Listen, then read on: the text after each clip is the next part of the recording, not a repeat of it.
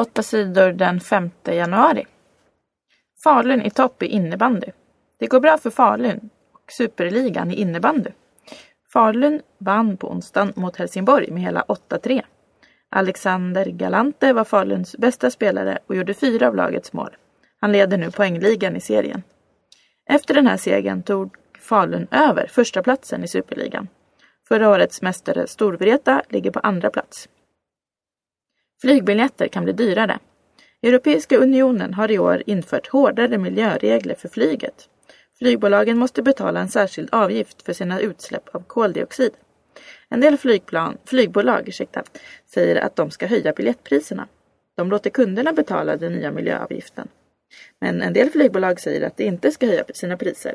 De tänker istället spara pengar på andra saker så att flygresenärerna ska slippa dyrare biljetter.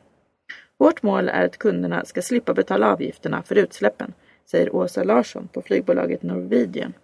8 sidor TT. Försvunne 25-åringen är hittad. För en vecka sedan försvann en 25-årig student i Uppsala. En ung man och en kvinna greps efter några dagar av polisen. De är misstänkta för att ha rövat bort 25-åringen. Poliserna hittade saker som tillhörde 25-åringen i parets bil. Några dagar innan 25-åringen försvann hade paret försökt köpa elchocksbatonger som skulle kunna användas vid en kidnappning. Det skriver tidningen Aftonbladet. Den försvunne 25-åringen hittades på onsdagen av polisen. Han hittades i en lägenhet i Umeå. Mannen är oskadd och mår bra, säger poliserna. Ännu en misstänkt man greps på onsdagen av polisen. 8 sidor TT.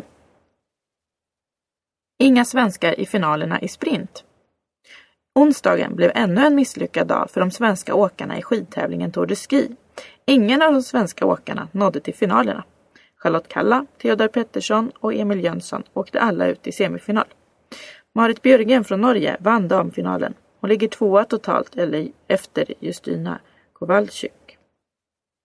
Nikolaj Morilov från Ryssland vann herrarnas final. Schweizaren Dario Colonia leder totalt före Petter Northug. Jordras begravde by på Filippinerna. Ett jordras på ön Mindano i södra delen av landet Filippinerna dödade minst 16 personer. Jorden rasade och begravde en by där det bodde guldgrävare. Minst 100 människor saknas efter jordskredet. Soldater arbetar nu med att gräva fram döda kroppar ur lerjorden. Räddningsarbetet går långsamt. 8 sidor TT. Många dödade i strider i Kongo-Kinshasa. De senaste dagarna har det varit bråkigt i landet Kongo-Kinshasa i Afrika. Rebeller från folkgruppen Hutu anföll en by i området Sydkivu. Omkring 30 människor har dödats och fler än 10 har blivit skadade. Regeringens soldater säger att det var rebellgruppen FDLR från grannlandet Rwanda som anföll byn. 8 sidor TT.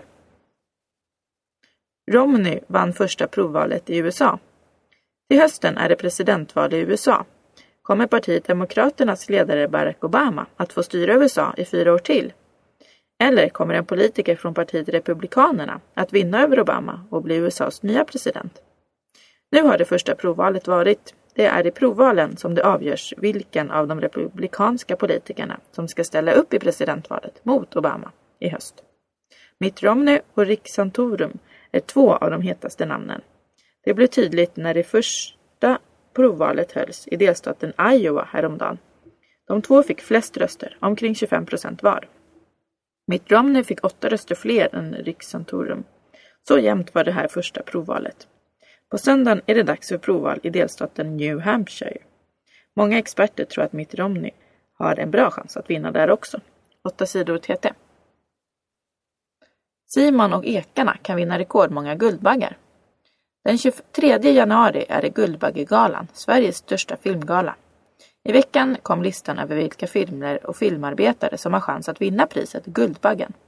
Filmerna Apflickorna, Play och Simon och ekarna har chans att vinna pris som bästa film. Simon och ekarna har chans att vinna 13 Guldbaggar. Det är rekord. Aldrig tidigare har någon film fått så många nomineringar. Helene Sjöholm, Cecilia Nilsson och Jan-Josef Liefers är nominerade till Guldbaggar för sina insatser som skådespelare i Simon och ekarna.